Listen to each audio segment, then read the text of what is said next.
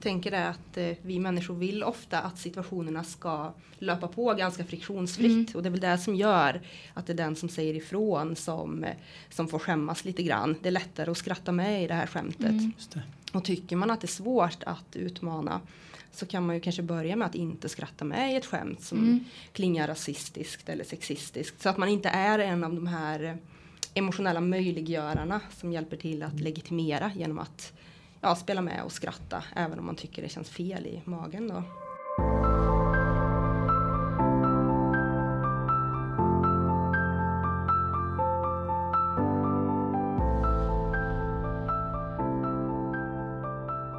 Hej och välkommen till Agera-podden. Nu kör vi igång igen efter sommaren. Agera-podden är ju en podcast där vi på Agera Värmland tar upp frågor inom mänskliga rättigheter, demokrati och diskriminering. Allt såklart med ett särskilt fokus på Värmland. Och med idag är Lars Stjärnelöv. God morgon. Med idag är också Nine Karlsson Norman. Hej.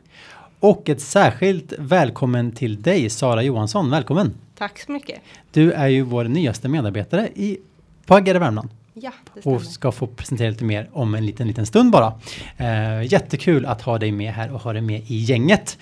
Jag kan ju nämna det också att ni som eh, har lyssnat på Agera-podden eh, undrar kanske då var, var eh, våran handläggare Hanna Finell är någonstans. Och Hanna jobbade framförallt i projektet Extremkoll som tog slut här eh, innan sommaren. Så Hanna har gått eh, till nya uppdrag och eh, vi tackar Hanna eh, för den insats hon har gjort hos oss på Agera Värmland och önskar henne allt lycka till. Ja, nu är det dags hörni. Sommaren är slut och hösten börjar dra igång. Mm. Idag tycker jag att det var lite sådär härlig eh, augusti-luft faktiskt. Lite friskt och lite skolstartskänsla. Ja. Eh, har ni haft en bra sommar? Ja, det tycker jag. Absolut. Jag tror att jag missade lite av det här kanonvädret som var. Eh, då var jag någon annanstans. Mm. Kändes det som. Men eh, absolut jättefin sommar. Mm. Och jag håller med om att i morse så var det kyligt när jag kom ut. Så att, eh, ja. ja. Hösten är på ingång. Mm. Du då Sara? Ja, jo, jag håller med om luften. Att det var lite annorlunda idag. Det börjar bli lättare att klä sig. Man mm. smälter inte bort på samma sätt längre. Vilket kan vara lite skönt. Uh, sommaren har varit mycket lekplatser. Eh, och skogsturer för min del med mm. min lille son. Eh, så det var det full fart. Eh, tycker att vi har tagit tillvara på, på sommar och väder. Mm, härligt. Och Lars?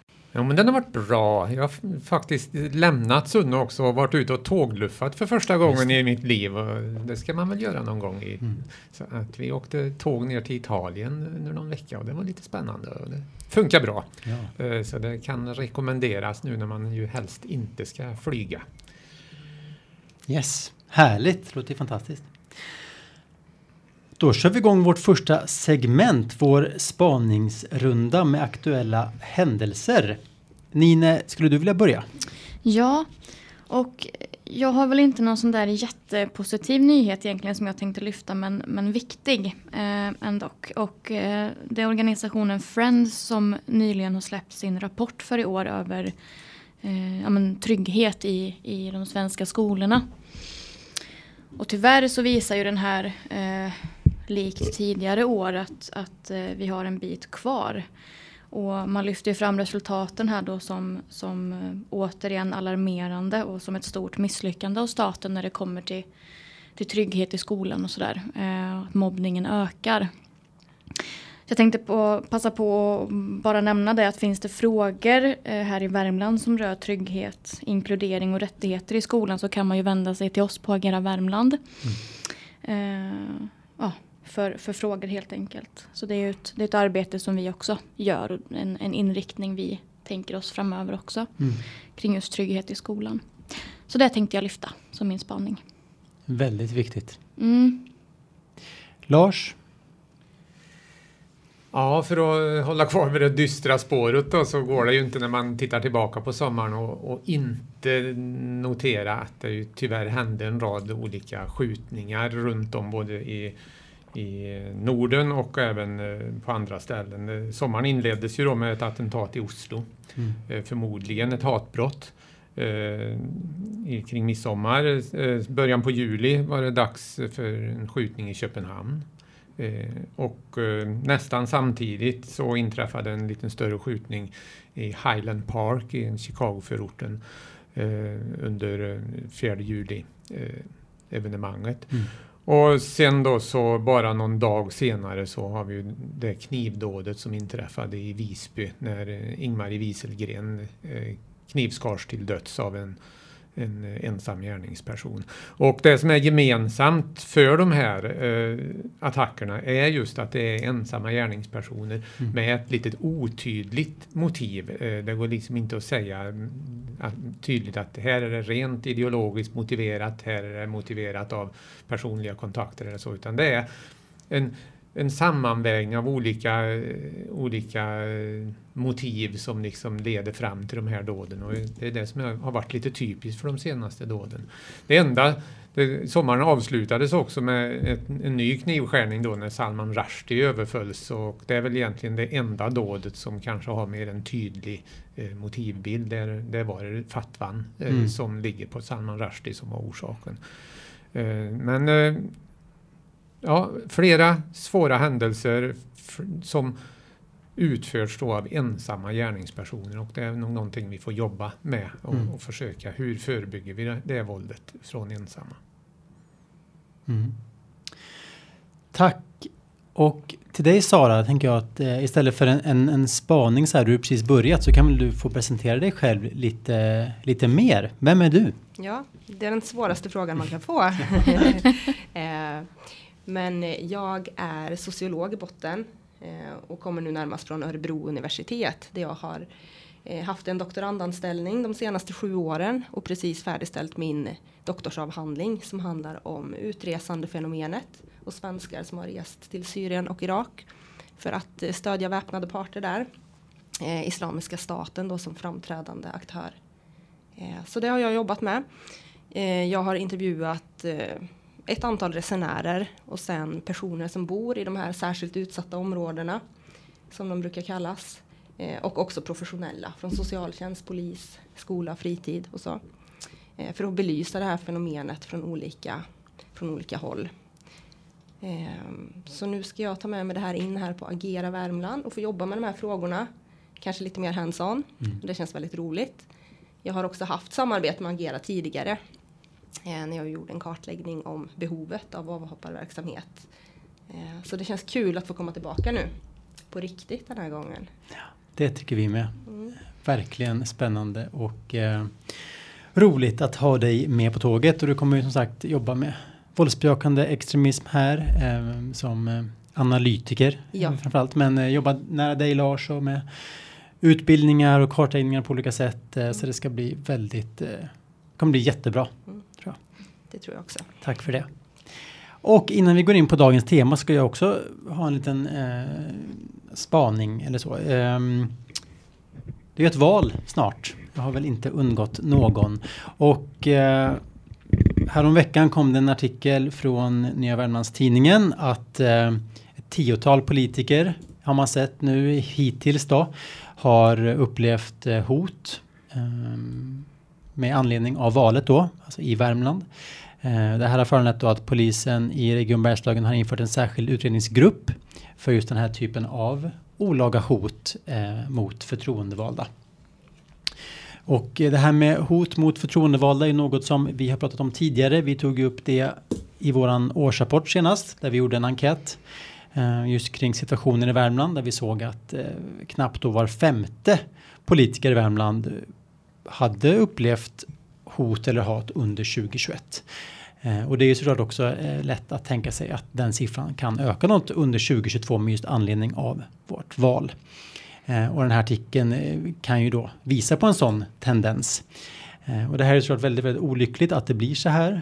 Att våra politiker får utstå rena, rena hot. Ehm, och även när vi pratar om, om osakliga eh, hatpåhopp kanske i syfte att skapa rädsla och att man inte ska uttala sig i vissa frågor. Vilket då i förlängningen kan bli ett hot mot demokratin. Så det här är en fråga som är väldigt viktigt att vi fortsätter jobba med och håller koll på och stöttar våra förtroendevalda.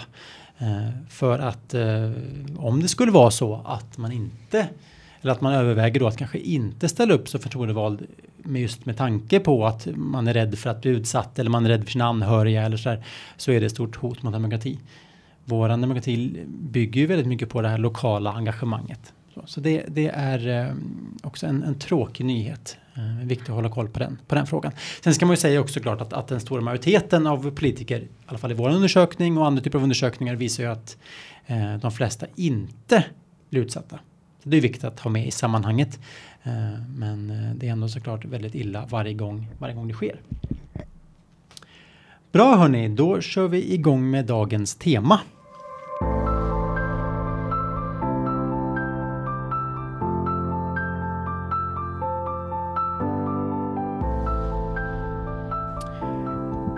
På lördag den 27 augusti är det Raoul Wallenbergs dag.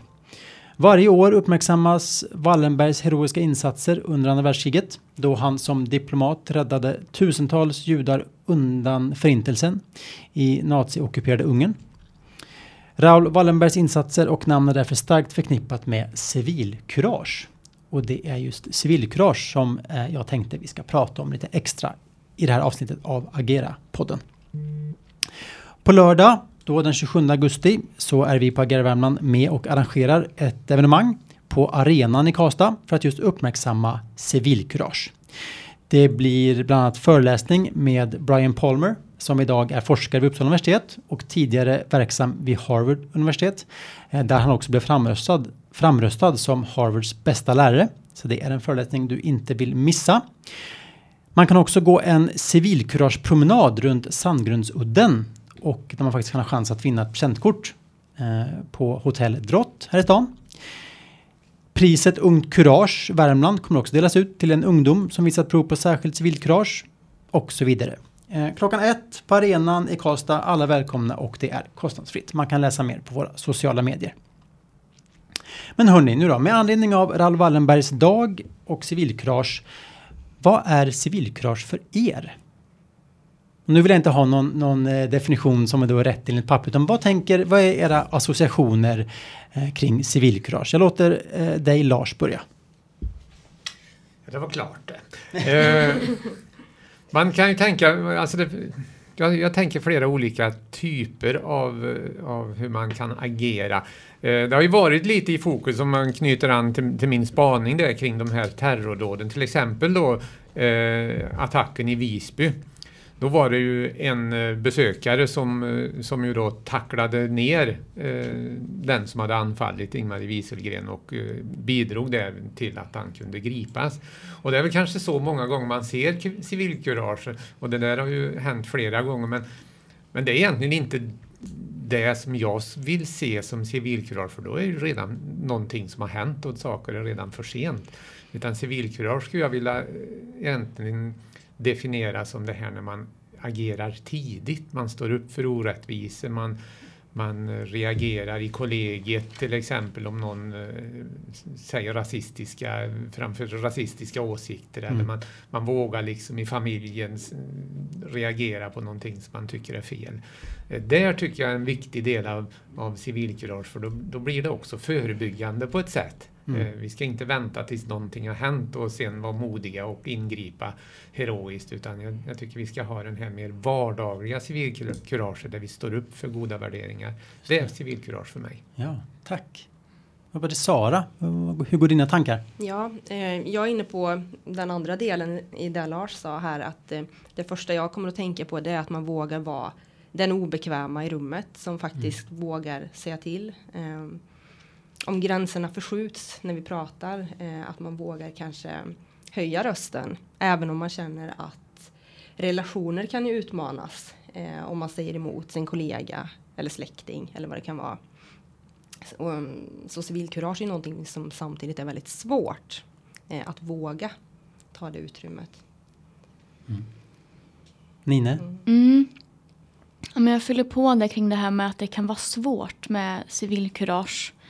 Eh, för jag tänker lite på de här spontana reaktionerna som kan komma från människor ibland när, när man känner i magen att det där lät inte bra eller det här kändes inte rätt. Eh, och att det ju faktiskt finns eh, ja, men, eh, ja, men i vissa situationer att, att man bara känner spontant att det här, det här var bara inte okej. Nu måste jag säga någonting och så kommer det helt spontant. En fråga att hur menar du nu? Eller menar du verkligen det du sa?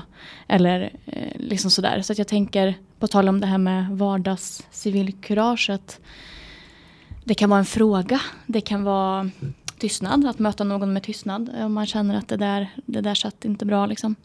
Um, ja, så jag vet inte. Det, och det är något vi också pratar en del om eh, i vårt arbete. Mm, alltså, hur kan vi utöva civilkurage utan att det behöver vara det att man ställer sig upp mitt i rummet och stampar mm. i golvet. Det kanske inte alltid är det. Eh, utan att det, det, kan göras på många sätt. Mm. Så så går mina tankar. Ja, tack alla tre. Nej men verkligen. Jag tänker också att det kan vara olika saker, olika typer av beteenden eh, och på olika nivåer. Allt ändå ifrån att kunna eh, tackla en gärningsperson som utövat något, något, något våldsdåd till att vara den obekväma eh, i rummet. Eh, tror jag. Eh, om man tittar på, som jag gjorde här lite grann innan då, kolla på Wikipedia-definitionen. Så är det då att, eh, att ha civilkurage innebär att ha mod att stå för sin mening även när det innebär en personlig risk. Förmågan att stå för sina värderingar trots vetskap om öppet eller latent motstånd från omgivningen. Och jag tänker just lite grann det här att det, det ska finnas då, just det här att en, den här obekvämheten som, som ni nämnde, eh, att det ändå finns någon slags personlig risk här. Antingen då, som du nämnde Sara, en, att det kan vara relation som kanske påverkas.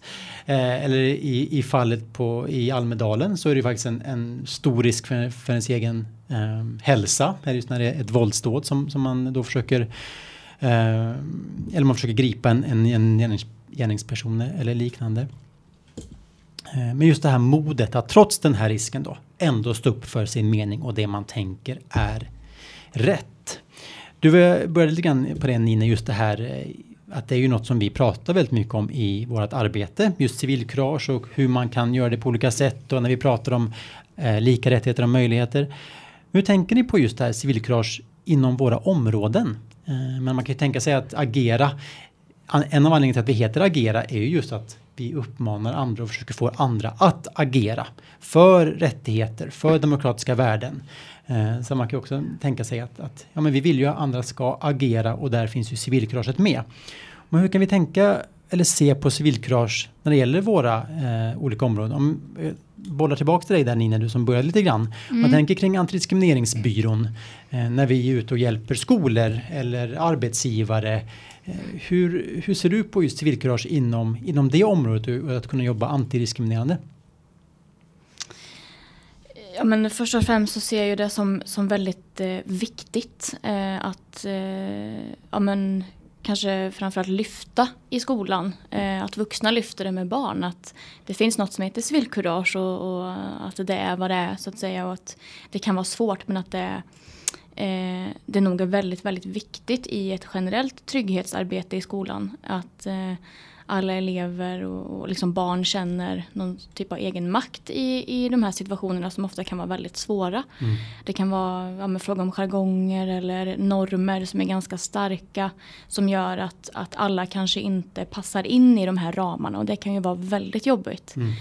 Um, det är ju jobbigt som vuxen så det är ju, jag menar, kanske ännu svårare som barn. Um, och att det då är viktigt att, att lyfta de här frågorna. Eh, men också bland vuxna såklart. Vuxna kan också glömma bort att vi har, vi har det här. Mm. Eh, att ta till eh, i, i, svåra situationer. Men som sagt kopplat till, till diskriminering just då och trakasserier och sådär. Så det är ju eh, integritetskänsliga liksom, ämnen. Eh, som gör att, att känner man sig utsatt på något plan kopplat till den man är så kan det ju vara mycket lättare om någon annan mm. eh, säger ifrån i en sån situation eller på något sätt visar att eh, ja, men det där tyckte inte jag lät okej, okay, fast det rörde någon annan. Så att i den situationen så, så är det ju jätteviktigt med, med civilkurage, mm. tänker jag, i skolan. Ja, visst. Mm. Nej, och det när vi är ute, eh, du och jag Nina, så, så är det ju det här såklart. Vi, trycker väldigt mycket på arbetsgivarens ansvar, om eh, skolans ansvar att förebygga och hantera olika typer av kränkningar eller eh, trakasserier.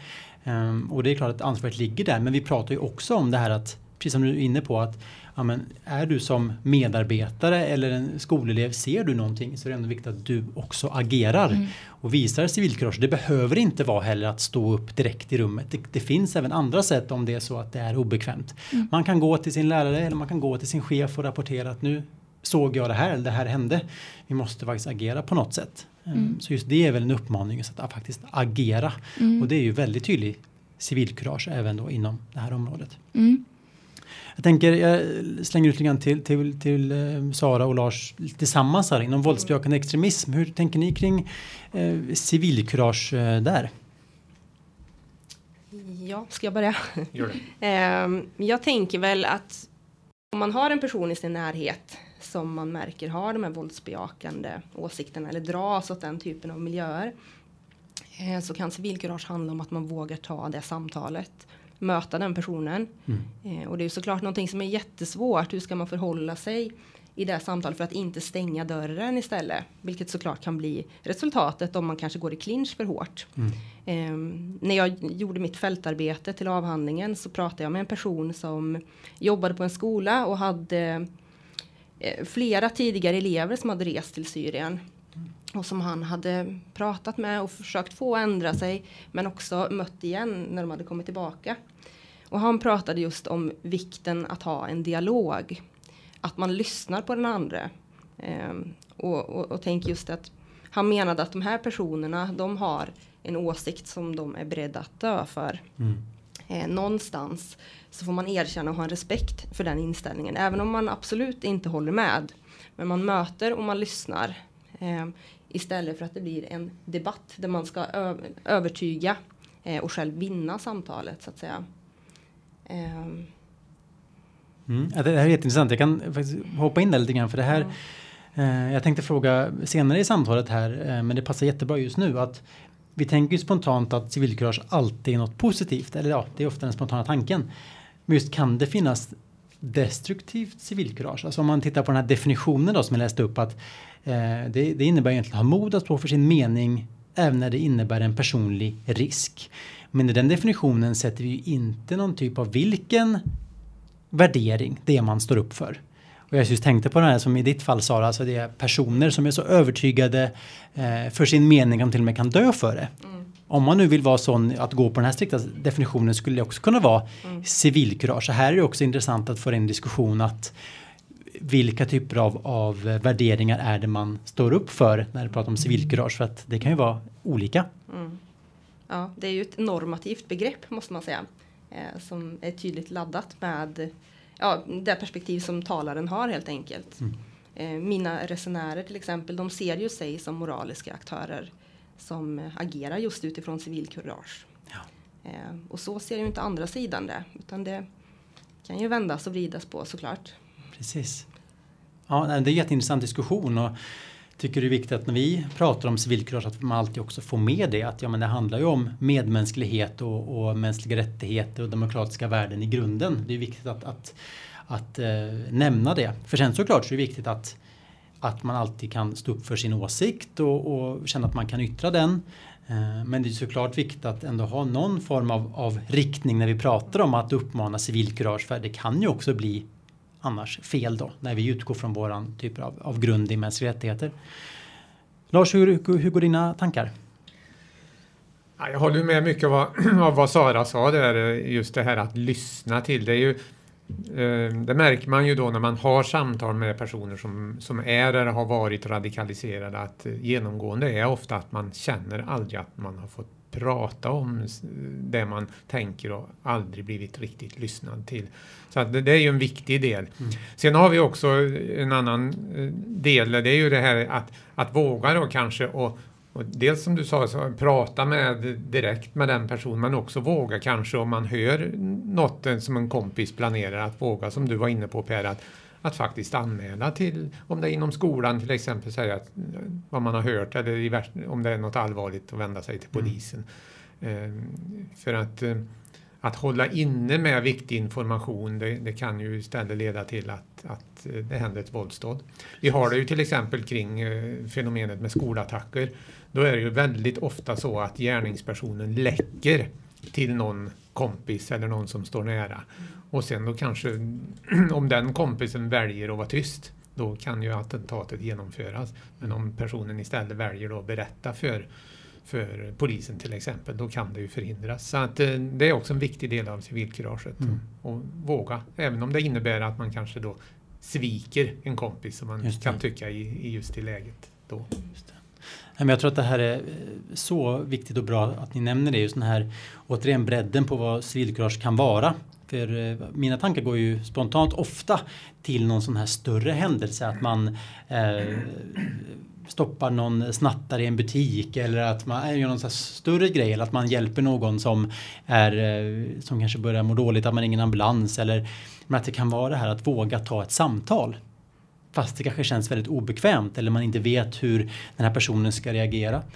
Ehm, vi hade ju tidigare avsnitt av Agera-podden så pratade vi om eh, suicid jag tänker, mina tankar går dit just det här att våga fråga. Om det är så att man undrar hur en person mår, att faktiskt våga fråga hur det är och även om det kan vara väldigt obekvämt och man kan känna att ja, men det kanske inte är min plats att fråga om den här personen någonsin har funderat på att ta sitt liv. Men, men det är också ett eh, klockrent exempel på civilkurage tänker jag. För att det kan vara obekvämt, det kan kännas jobbigt.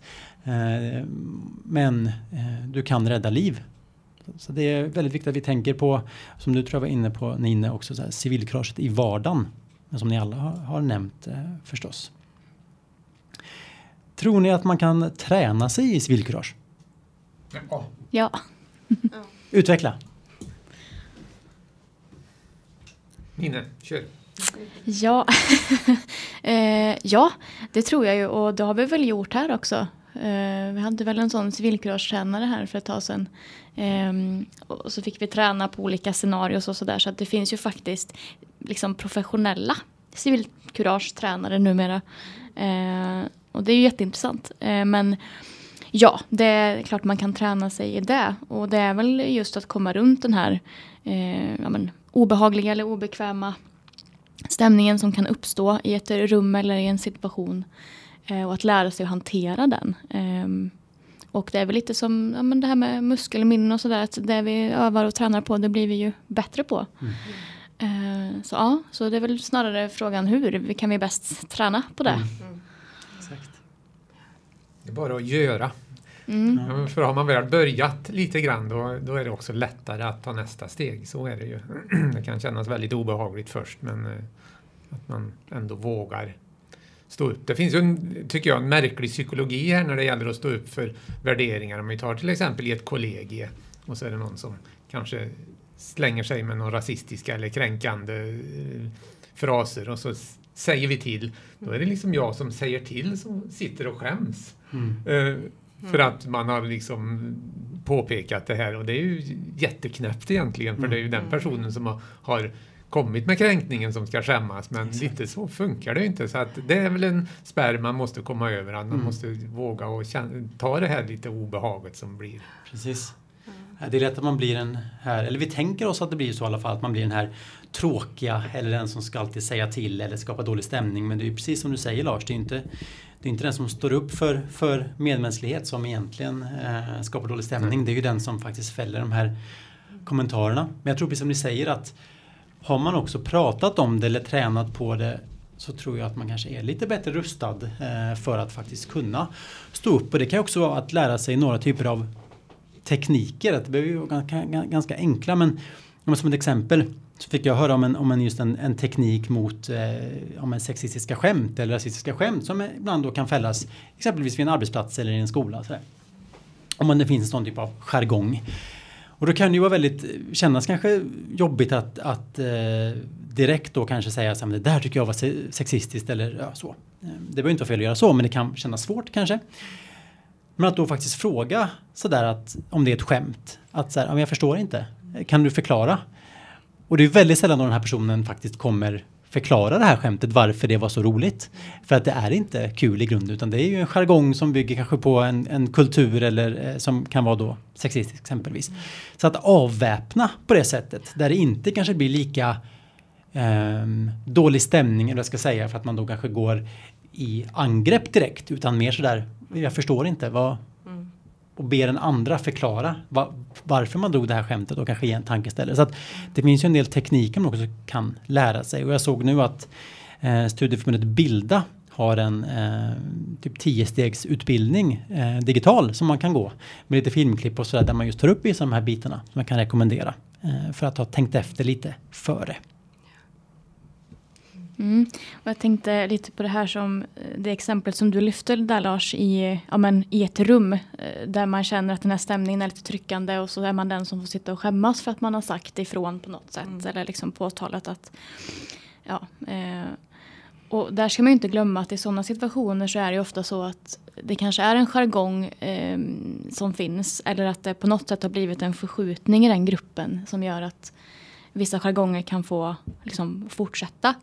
Eh, och ja, liksom det har blivit någon typ av normförskjutning som gör att det, eh, det är okej okay att säga vissa saker i det rummet som kanske inte är okej okay på andra ställen och sådär.